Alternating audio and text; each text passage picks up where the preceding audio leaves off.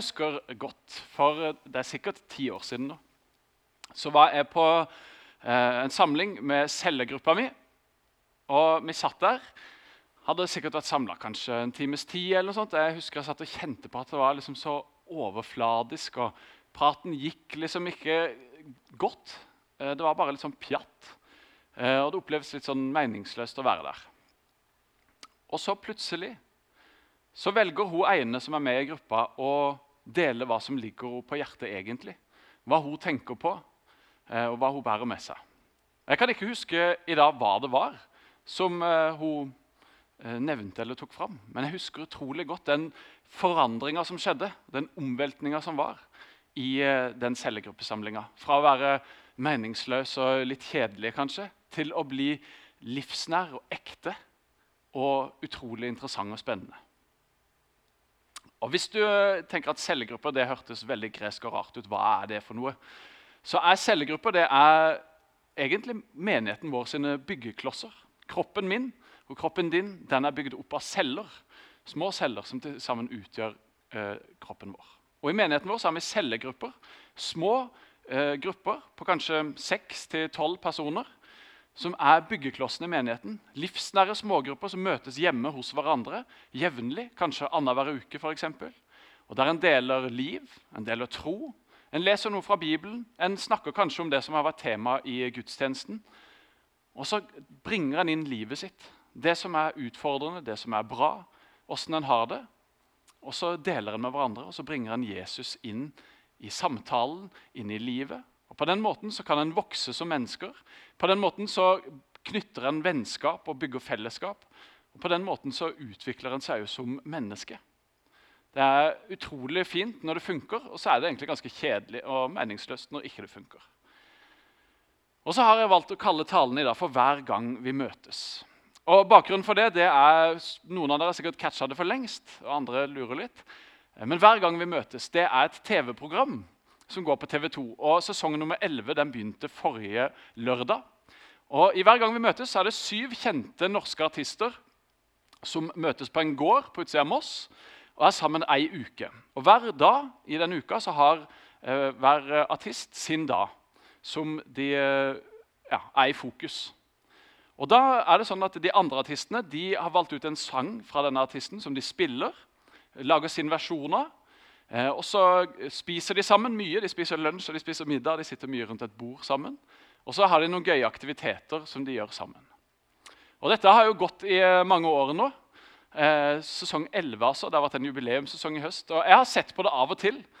Og når jeg har sett på det i flere år, så har jeg gått med en tanke på burde ha en tale om med utgangspunkt i hver gang vi møtes. For jeg synes det er utrolig fascinerende det som de deltakerne forteller når de er med på hver gang vi møtes. For de forteller at den opplevelsen av å sitte der og sammen med folk Noen av de kjenner de litt fra før, andre kjenner de ikke det hele tatt. De er i ulik alder, de har ulike sangere. Det de har felles, er at de er artister. Da, og Det er jo selvfølgelig en ting som knytter de sammen. Men de sitter der, og så gir de uttrykk for at det var som å være i terapi å sitte der. Det var som å gå til psykolog. Og Dette var en uforglemmelig opplevelse, den beste dagen i mitt liv osv.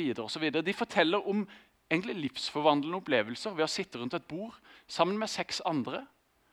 Og så har jeg prøvd å analysere og tenke litt. og Dette er bare mine tanker og mine analyser. og det er ikke sikkert de stemmer. og det, ja, Du trenger ikke å stole på det hvis ikke du vil, men det er sånn jeg har tenkt rundt det. For hva er det med det programmet og hva er det med den settingen som gjør at dette er så det gjør noe med de menneskene som er med? Og hva gjør det at mange syns dette er interessant og spennende å følge med på? Det er jo noen som velger å skru av og gå og finne på noe helt annet, for de orker ikke å se på det greiene der. De griner jo hele tida, og det er så mye sutring. Og, eh, men de ler mye Men jeg har tenkt litt og kikka litt på det, og jeg syns det er fascinerende eh, hva som skjer i den gruppa. Så har jeg tenkt i forhold til cellegruppene våre i menigheten vår. Hva kan vi lære av hver gang vi møtes? Og kanskje ikke bare i cellegruppen, men generelt i livet. Hva kan vi lære av det programmet og det som foregår der, som vi kan ta med oss inn i cellegruppene våre, men også i relasjonene våre, med vennene våre eller på jobben, eller hvor det skulle være. Så Jeg har fire ting som jeg har plukka ut, og det er særlig en av de som jeg har lyst til å fokusere mest på. men som jeg har tenkt på. Da. Og Det første det er å våge. I Hver gang vi møtes, så sitter det sju kjente folk som eh, har TV-kamera på seg hele tida. De våger å være åpne, de våger å være ærlige og de våger å dele fra livet sitt. Vanskelige ting, utfordrende ting, situasjoner de har vært i. Det kan være suksess som har vært bra, men som òg har vært vanskelig å håndtere.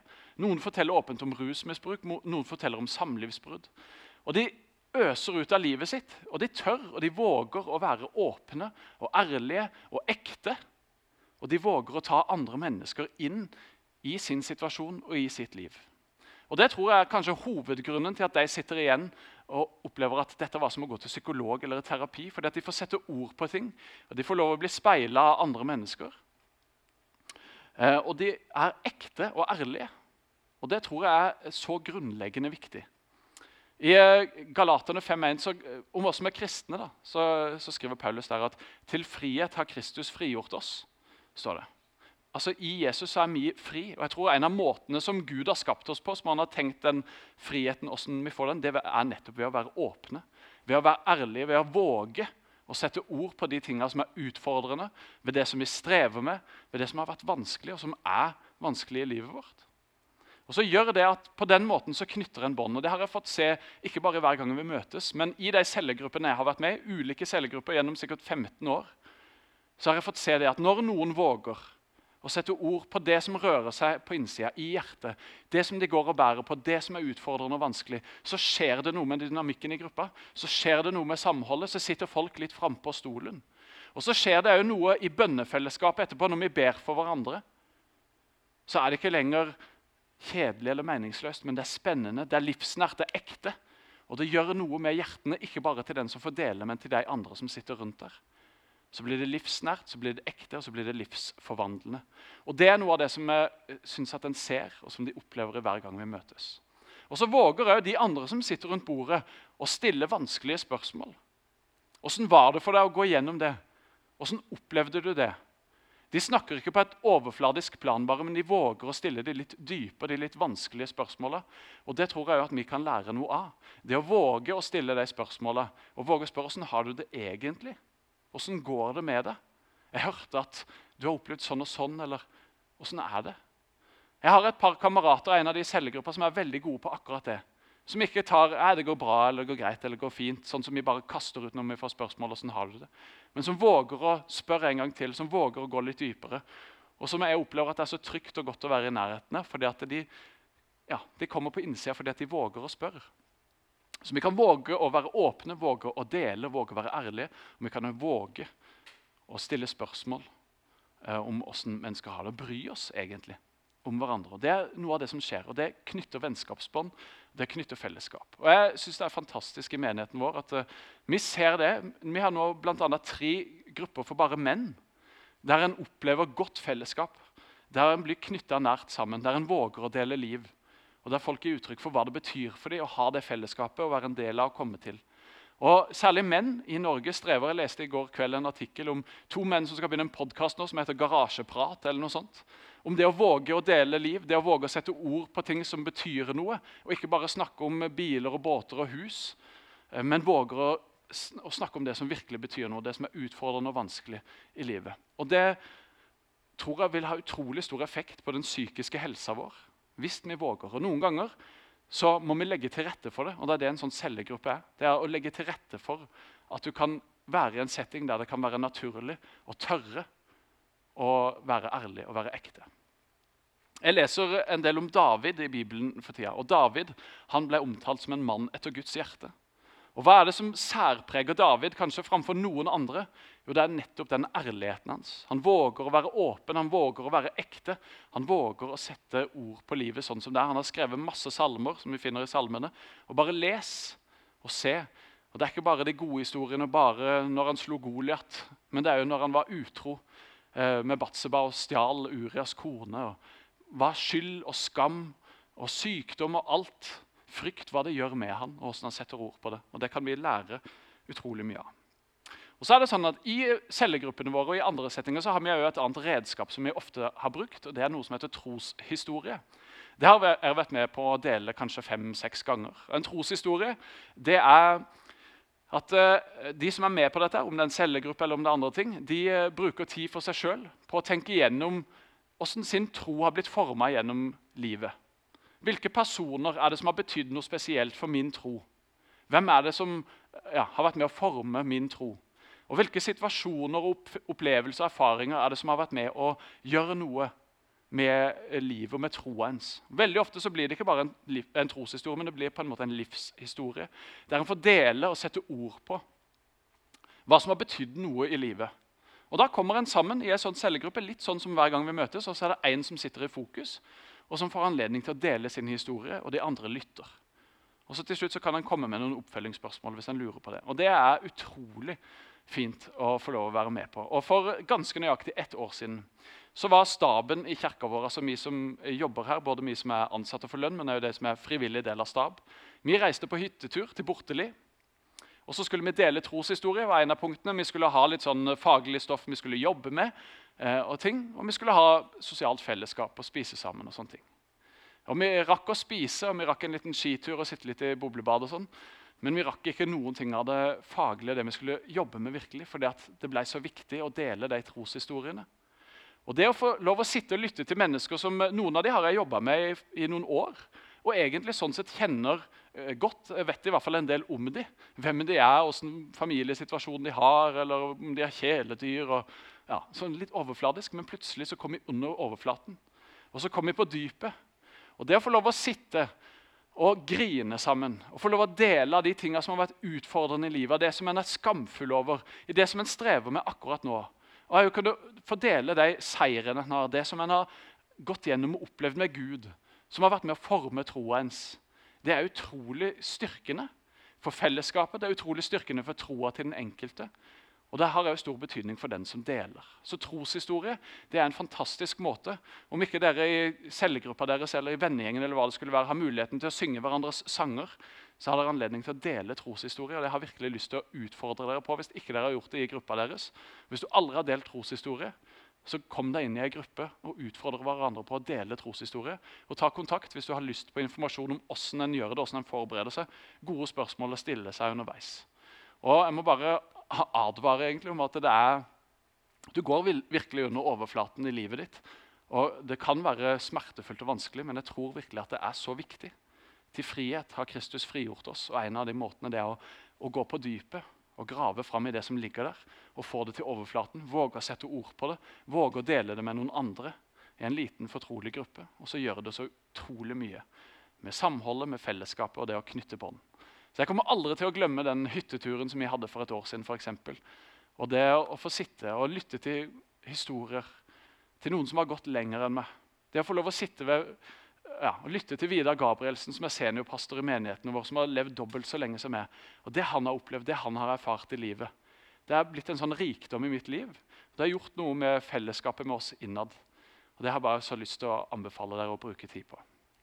Men òg det å våge i det hele tatt å være ærlig, våge å være åpen med noen som du er fortrolig med. Våg å sette ord på de tingene som er der. Ikke bare snakk på overflaten eller overfla overflaten om det overfladiske, om ting som egentlig ikke betyr så mye.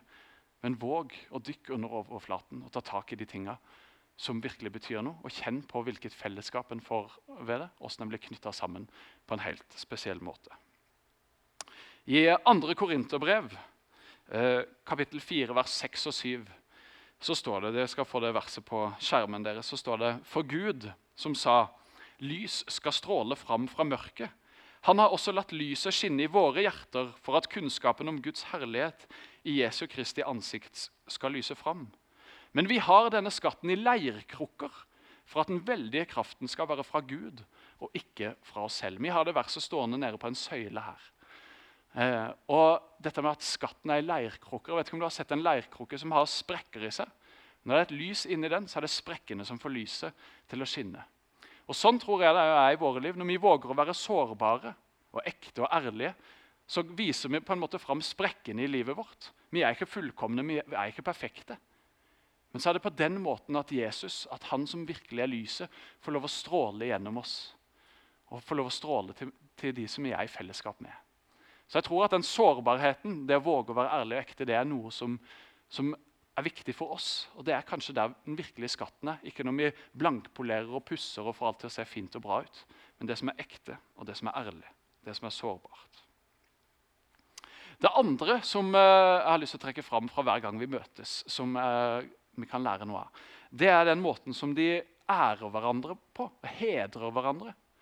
I 88-oversettelsen av Bibelen vår i Romerne 12,10 så står det 'kappes om å hedre hverandre'. Altså, Vi skal liksom eh, kjempe om å hedre, være best på en måte på å hedre hverandre. På å løfte hverandre opp, på å ære hverandre. Og Det er noe de virkelig gjør. De har jo en god anledning til det ved at de får lov å se gjennom eh, katalogen med sanger som artistene har. Men så får de lov å plukke ut én låt som de blir berørt av, eller som de liker spesielt godt, eller som det er noe spesielt ved. Så tolker de den som sin egen, og så framfører de den for vedkommende. På den måten så ærer de og hedrer hverandre på en helt spesiell måte. Og Du ser hva det betyr for dem når de sitter der og får høre en ny versjon av sin sang. Men òg hvordan de sitter rundt bordet og løfter hverandre opp og påpeker det de beundrer med hverandre, måten de anerkjenner hverandre, og det som de syns er ja, noe å trekke fram. Det de liker. Ikke bare ved musikken eller ved artistlivet deres, men ved personligheten deres, med hvem de er osv. Det tror jeg at vi kan lære noe av. Og det tror jeg at vi har godt av å gjøre. Nemlig å anerkjenne og løfte hverandre opp og finne gullet i hverandre. Ikke være så opptatt av de sangene som ikke er så bra, men finne den ene som griper oss, den som betyr noe. Og det samme i livet til hverandre. Hva ser du i de som du er sammen med? Hva er det du liker ved vedkommende? Og jeg tror det at Når vi våger å være åpne og ærlige og setter ord på ting, så finner en flere ting som en kan anerkjenne, som en kan løfte fram, og som en kan synes er fantastisk. Forrige fredag så var uh, artisten Tix, eller personen Andreas Haukeland, på hver, nei, ikke på hver gang vi møtes, men han var på Lindmo. Og Jeg satt og så på det. Jeg skal være ærlig at jeg har hatt uh, en god dose fordommer mot Tix. Men så sitter plutselig Andreas Haukeland der og forteller om sin ensomhet. og Er åpen og sårbar og ærlig. Og Så merker jeg hvordan det gjør noe med mitt hjerte og med mitt forhold til han. Og Så får jeg lytte til når han synger, og det viser seg at han, han er jo flink. Eh, og hvordan han våger å sette ord på det i musikken sin, og ikke skriver stygge tekster, men skriver oppbyggelige og fine ting. Og Så finner jeg ting som jeg kan eh, ære på en måte hos han. At han våger å være ærlig. At han våger å sette ord på ensomheten sin. Og så kan det bety noe for andre. og Sånn er det òg. Vi kan finne ting hos hverandre som vi kan løfte opp, som vi kan oppmuntre til, og som vi kan sette ord på, som vi kan synes at det er bra ved den andre. Og Så gjør det noe med fellesskapet. Så er det noe som bygger opp. Og Er det noe som vi blir utfordra på i eh, Bibelen og gjennom å være en kristen, så er det det å løfte hverandre opp og se hverandre. Og bety en forskjell i andres liv på en positiv måte. Det å knytte godt fellesskap. Og Det er noe vi virkelig ønsker i denne menigheten, at vi skal ha nære og varme relasjoner. Og Da tror jeg det er viktig å våge å være ærlig, så tror jeg det er sunt og riktig og bra å snakke godt og varmt om hverandre. Løfte hverandre opp, heie på hverandre og oppmuntre. Jesus han var jo en sånn type. Han fant gullet i selv de verste av de verste. Og Han gikk rundt og fikk med seg mennesker. Han så dem, og han lot de oppleve virkelig å bli sett. F.eks. Levi, eller Matteus, som han også kalles. Som var en toller og satt ved tollboden, og så kommer Jesus og så ser han Levi. Så sier Jesus 'følg med'. Og så følger Levi han. Og Så inviterer han eh, Jesus hjem til seg, inviterer masse andre tollere og syndere. De verste i samfunnet. Og Så deler Jesus bordfellesskap med dem. Så spiser de sammen. Og Det betydde på den tida at når du spiser sammen med noen, så sier du 'jeg anerkjenner det'. Og Det var det Levi fikk oppleve. Han fikk lov å bli en av de tolv disiplene til Jesus som fikk følge han. Han har skrevet Matteusevangeliet i Bibelen. Og Livet hans ble totalt forvandla fordi at noen så han, fordi at noen anerkjente han og løfta han opp. Og Jesus er en sånn type. En annen er Sakkeus, som også var toller. Han var overtoller. Og Han gjemte seg i et tre for å se om han kunne se Jesus. Og Jesus så opp på ham og sa han, dag skal jeg bli med deg hjem. Jeg vil spise sammen med deg. Jeg anerkjenner deg for den du er. Du har gjort masse dumme ting. Jeg ser forbi det. Jeg har lyst til å bli kjent med deg. Eller jeg kjenner det, og jeg vil at du skal bli kjent med meg.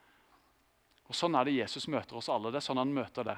I de tingene som du har dritt deg ut med, i det som du strever med, det du syns er vanskelig, det du skammer deg over, det du ikke har lyst til å dele med noen, så er det der som Jesus får en helt unik mulighet til å komme inn og til å møte deg. Og han løfter deg alltid opp. Han vil aldri fordømme deg, han ser aldri ned på deg, men han løfter deg opp. Og han sier 'jeg elsker deg', 'jeg anerkjenner deg'. Du er full av gull og kvaliteter. Jeg har gitt deg gaver jeg har gitt deg evner. La oss se at de blomstrer. Og det gjør de ved at vi ærer hverandre, oppmuntrer hverandre og hedrer hverandre. Så det var det andre. Og så leder dette på en måte litt over i det tredje. Fordi at i Hver gang vi møtes, så sitter de rundt et bord og de spiser mye sammen. Og Det var jo det Jesus gjorde med Levi og med Sakkeus og med disiplene sine. De hadde bordfellesskap. Og som sagt så betydde det at de anerkjente hverandre. Men det er noe helt spesielt og noe eget ved å sitte sammen og spise rundt et bord. Det gjør noe ofte med dynamikken og med samtalen når en spiser sammen, når en deler god mat og god drikke, og når en har det fellesskapet. Og Det kan vi òg lære noe av. Og Edin Løvås, en av høvdingene i Misjonskirken Norge, han hadde fylt 100 år hvis han hadde levd i november nå.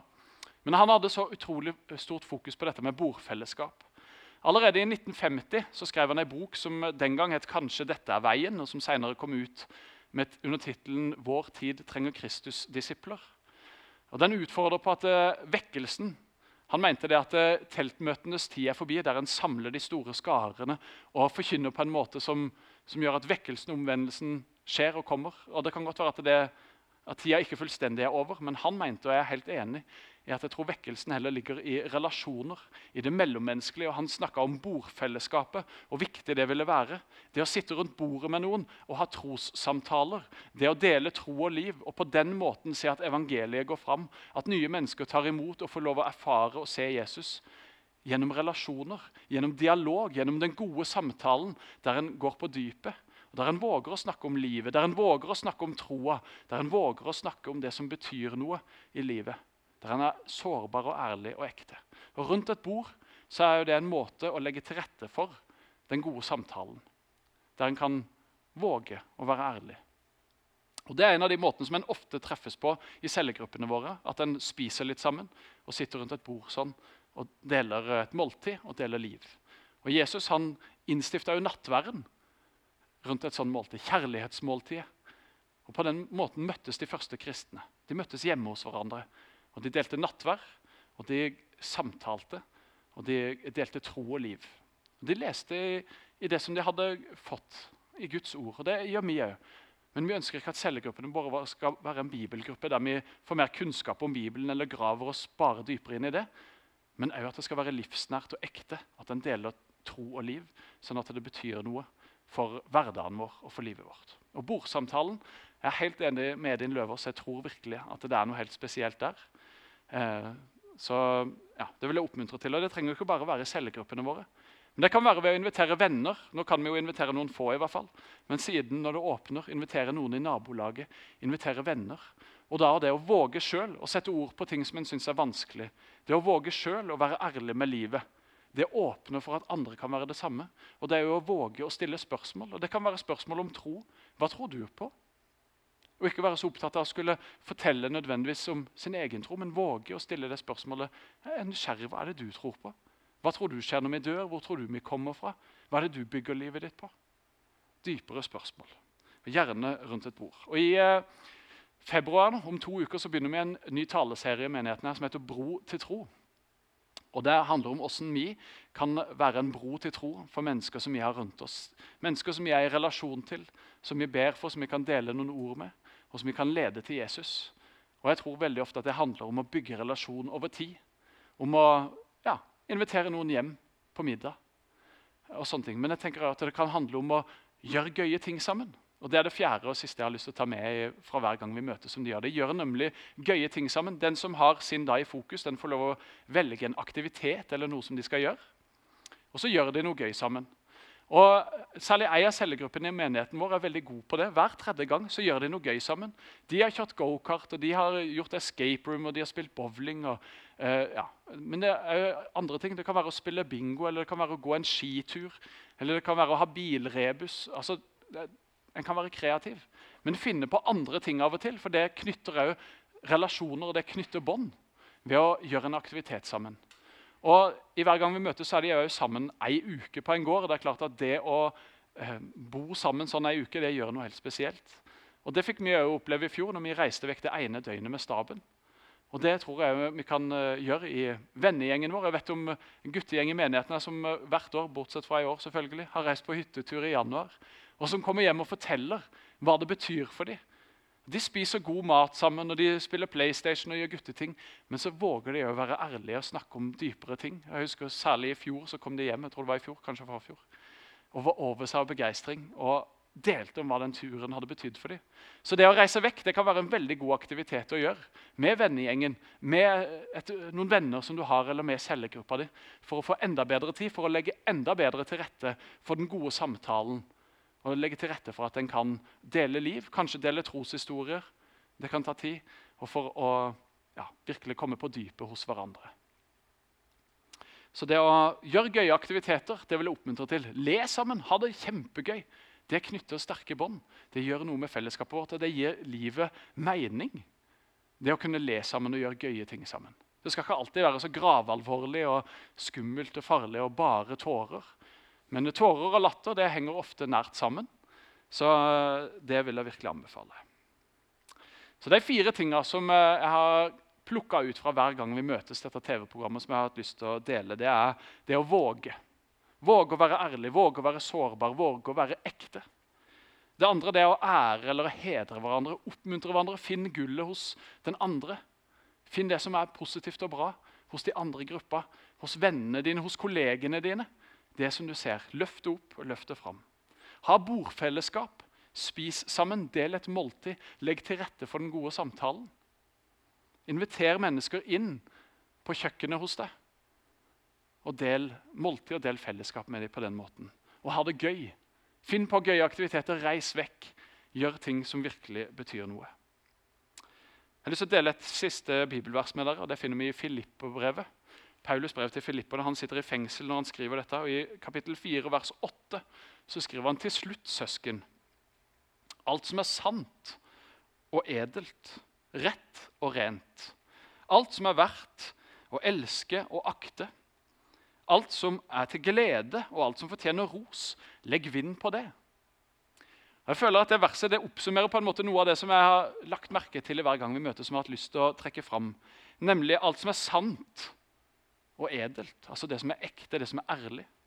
Det som er rett og rent. Jeg tror at ja, Det er igjen det som er ærlig. Og at sårbarheten den er ærlig og ekte. Alt som er verdt å elske og akte. Det som vi kan løfte opp. Det som vi kan hedre og ære. Det gullet som er der. Det som er til glede. La oss ha det gøy. Og det som fortjener ros, igjen ære og hedre. Legg vind på det. Legg vind på å våge å være ærlig og ekte og sårbar. Legg vind på å ære og hedre hverandre. Legg vind på bordfellesskapet, det å ha et godt fellesskap med noen. Legg vind på det å ha det gøy, det å glede seg. Og så tror jeg at det vil gjøre noe med livet våre. Det vil gjøre noe med ja, egentlig alt. Det vil gjøre noe med vår psykiske helse, det vil gjøre noe med fellesskapet, opplevelsen av å ha venner. Noen som kjenner en, som står sammen med en. Hvis ikke du er med i en cellegruppe, så vil jeg virkelig utfordre deg på å bli en del av en cellegruppe i menigheten vår. Gå inn på hjemmesida vår. Eh, under 'Delta' så finner du cellegrupper. Ta kontakt med oss, send en mail, ring hva som helst og si jeg har lyst til å bli en del av et sånt fellesskap. Jeg har lyst til å kjenne på hvordan det er å virkelig leve. Det å dele liv sammen med noen andre som gjør at jeg vokser, som gjør at jeg har det bedre med meg sjøl, og på den måten jeg kan utvikle som, som menneske, men ikke minst vokse i troa. Fordi at I cellegruppene kan vi jo dele troshistorier, f.eks. Vi kan la det være livsnært og ekte. Og Det som, har, som, er unikt, som ikke de har i hver gang vi møtes, det er at vi har Jesus. Jeg tror at Jesus er til stede i hver gang vi møtes i samtalene. Jeg tror det er noe gudegitt og noe gudeskapt, det med å våge å sette ord på ting. Men jeg tror at når vi bringer inn Jesus sånn som vi gjør i cellegruppene våre, tar han inn i samtalen og la han få være sentrum, når vi våger å be for hverandre for de tingene som er der, så tror jeg at store under kan skje. Og så blir det virkelig livsforvandlende. Og så blir det dager og opplevelser som vi husker igjen og igjen. Om ikke det er fantastisk og den beste dagen i vårt liv hver gang vi møtes i cellegruppene våre. Så håper jeg at det kan bli det litt oftere. Og jeg tror at det kan bli det litt oftere ved at vi våger, ved at vi ærer, ved at vi har bordfellesskap og ved at vi har det gøy. Jeg har lyst til å be en bønn til slutt. Jesus, jeg takker deg for at du har skapt oss. Jeg takker deg for at du har gitt oss alt. Og jeg takker deg for at du ønsker at vi skal være frie. Frie mennesker, og at du har gjort oss frie.